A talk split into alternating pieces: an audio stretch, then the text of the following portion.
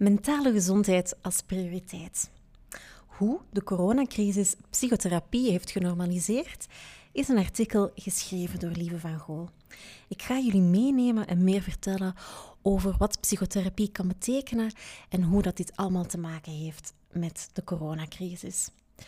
Want meer dan een jaar na het begin van de coronacrisis hebben psychotherapeuten te kampen met langere wachtlijsten dan ooit. Op zich is dat geen goede zaak. Maar het lijkt er wel op dat de corona de conversatie over onze mentale gezondheid meer dan ooit op de voorgrond heeft gebracht. De prangende vraag is dan: brengt de pandemie eindelijk een einde aan het stigma rond therapie volgen? want psychotherapie wordt nog steeds doordringd door het stigma. En we weten bijvoorbeeld uit de cijfers van het RISIF dat een aantal mensen die naar de eerste lijnspsycholoog gaan verdubbeld zijn sinds het begin van de coronacrisis. Dus het onderwerp psychotherapie werd steeds voor de coronacrisis altijd overschaduwd door stigmatisering. En het lijkt erop dat we het steeds maar normaler zijn beginnen vinden. Normaler Waarom? Omdat we er altijd voor anderen zijn, maar niet voor onszelf. In mijn therapie merk je dat ook op. Mensen komen altijd met het idee dat ze er altijd voor anderen moeten zijn. En als we dan beseffen dat we zelf hulp nodig hebben, dan gaat dit vaak gepaard met angst. Angst om veroordeeld te worden. En deze veroordeling dat situeert zich eigenlijk op drie niveaus. Er is heel wat onderzoek gedaan. En uit het onderzoek is gebleken dat er zowel zelfstigmatisering bestaat, dat er ook een maatschappelijk stigma bestaat en ook het associatief stigma. Ik ga jullie wat meer uitleg vertellen over wat dat nu eigenlijk inhoudt. Nu, bij zelfstigma, het woord zegt het eigenlijk al zelf, veroordeelt de persoon zichzelf omdat hij of zij hulp nodig heeft of kampt met moeilijkheden. En dit oordeel roept dan natuurlijk gevoelens van schaamte en angst op. Schaamte, hè, omdat veel mensen dan denken van oei, ik ben zwak, want ik kan het niet alleen. En anderen die kunnen dat wel. En daarnaast is er ook zo'n verborgen angst van door anderen als zwak gepercipieerd te worden. En dat maakt dat het voor mensen vaak een hele grote drempel is om naar een professional te gaan. We weten uit de evolutiepsychologie dat schaamte een secundair gevoel is en dat mensen zich eigenlijk dienen aan te passen om te kunnen overleven want we wisten als we in de prehistorie alleen kwamen te staan, dat we het niet konden overleven.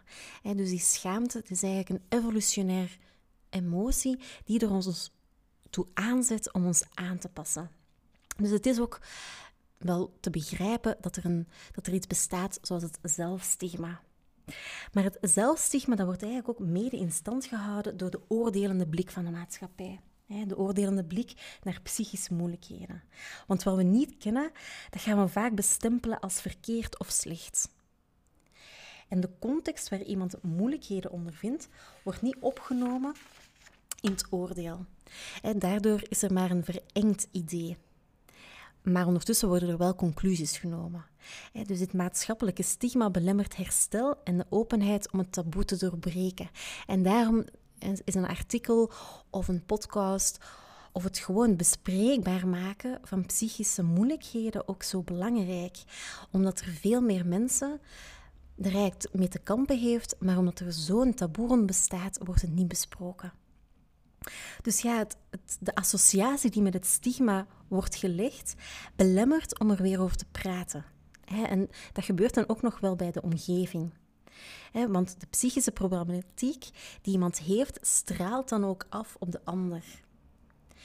En daarom is het voor de omgeving ook nog eens moeilijk. En dit zorgt ervoor dat, dat, mensen in de omgeving ook vast komen te zitten in een taboe en ook geïsoleerd geraken. Dus niet alleen de persoon die ermee kampt, maar dan ook de omgeving geraakt ermee geïsoleerd. Dus erover praten zou namelijk kunnen betekenen dat ze zelf veroordeeld worden maar het blijkt nu door de coronacrisis ja, dat, dat meer en meer mensen zijn beginnen kampen met problemen. We weten allemaal dat de corona iedereen treft. En we zoeken dan ook massaal hulp. En daardoor brokkelt die stigmatisering ook geleidelijk aan af. We worden met z'n allen geplaagd door dezelfde onzekerheden en vragen. We vragen ons af van hoe lang zal dit nog duren? En wanneer kunnen we nog eens ongedwongen afspreken met familie en vrienden? En ook nu dat we eigenlijk terug de maatregelen versoepeld zijn, kan er de vraag zijn van ja, hoe lang gaat het deze keer duren? En wat als er opnieuw een, uh, een aanval zal uitbreken? Hoe gaan we er dan mee op? En we weten ook allemaal dat thuiswerk de voorbije maanden de nieuwe norm is geworden. Maar het thuiswerk leidt ook tot meer vereenzaming en het gemis van verbondenheid. De meeste mensen die ik in mijn eigen therapieruimte tegenkwam, die hadden het vooral over het gemis aan verbondenheid. Zowel met de organisatie, het bedrijf waardoor dat ze werkten, maar ook gewoon met de mensen rondom hen. En ja, natuurlijk, het gebrek aan perspectief wakkert natuurlijk die onzekerheid aan. En dat heeft dan ook meteen invloed op de veerkracht. De veerkracht om met al die uitdagingen aan te gaan, die gepaard gaan met de coronamaatregelen. We hebben maandenlang is het dagelijkse vertier weggevallen. We hadden geen afleiding meer. Het was steeds moeilijker om de batterij op te laden. Wat al langer aan de oppervlakte sluimerde, komt dan ineens naar boven drijven. Dus de onderliggende, onderdrukte stress is niet meer tegen te houden. En nu zijn de cafeetjes en de terrassen terug open, maar lange tijd was er geen afleiding meer. Dus dan is het ook normaal dat al die opgebouwde stress ineens naar boven komt. Het zoekt bij wijze van spreken een uitweg. En wat ik dan ook zo opmerk, is dat ondanks dat dat toegenomen stress er is, de verwachtingen steeds torenhoog zijn. Het lijkt wel dat we met z'n allen erkenning of status, uh, gemak en geluk najagen. En wat geluk is, is, is weer een onderwerp voor een, uh, een ander artikel. Maar die eindstreep die gaan wij steeds verleggen. Hè, verleggen naar de toekomst. Want als we het ene hebben nagestreefd, dan komt er wel weer iets nieuws. En dan zo gaan we precies van het ene naar het andere grenzen vervagen en dan zijn we meer gericht op de ander dan eigenlijk op onszelf. We leren als het ware niet meer om voor onszelf te zorgen. En wat gebeurt er uiteraard? Er komt een burn-out of een depressie tot gevolg. We zouden zelfs eigenlijk kunnen spreken dat er een vorm van burn-out tijdperk is. Want 1 op de 20 werknemers werkt niet vanwege een burn-out. En dit cijfer zal door de coronacrisis enkel en alleen nog maar toenemen. Als we met z'n allen geen andere manier vinden om al die krachten aan te boren en om nieuwe copingmechanismen aan te leren. we zien het, doordat de grenzen vervagen, dat er meer thuiswerk is, is het ook moeilijker om het werk af te zetten. En je gaat sneller iets langer doorwerken. Of je verliest een beetje de motivatie, omdat je zo weinig contact meer hebt met collega's. waar dat je vroeger heel spontaan een gesprekje kon doen tussen de gangen door, valt er nu eigenlijk allemaal weg. en wat we ook merken, eh, of wat we zeker de afgelopen maanden hebben gemerkt, was het uitoefenen van een gewone hobby of het terugtrekken met vrienden of vriendinnen bemoeilijkt werd. En wat gebeurt er dan? Er ontstaat een spanningsveld en dat uit zich vaak in communicatieproblemen. En psychotherapie helpt dan om zicht te krijgen op waar jij als individu of jullie samen als koppel nood aan hebben. En hoe dit dan naar elkaar gecommuniceerd kan worden. want wat doet nu psychotherapie of wat zou psychotherapie nu eigenlijk kunnen betekenen?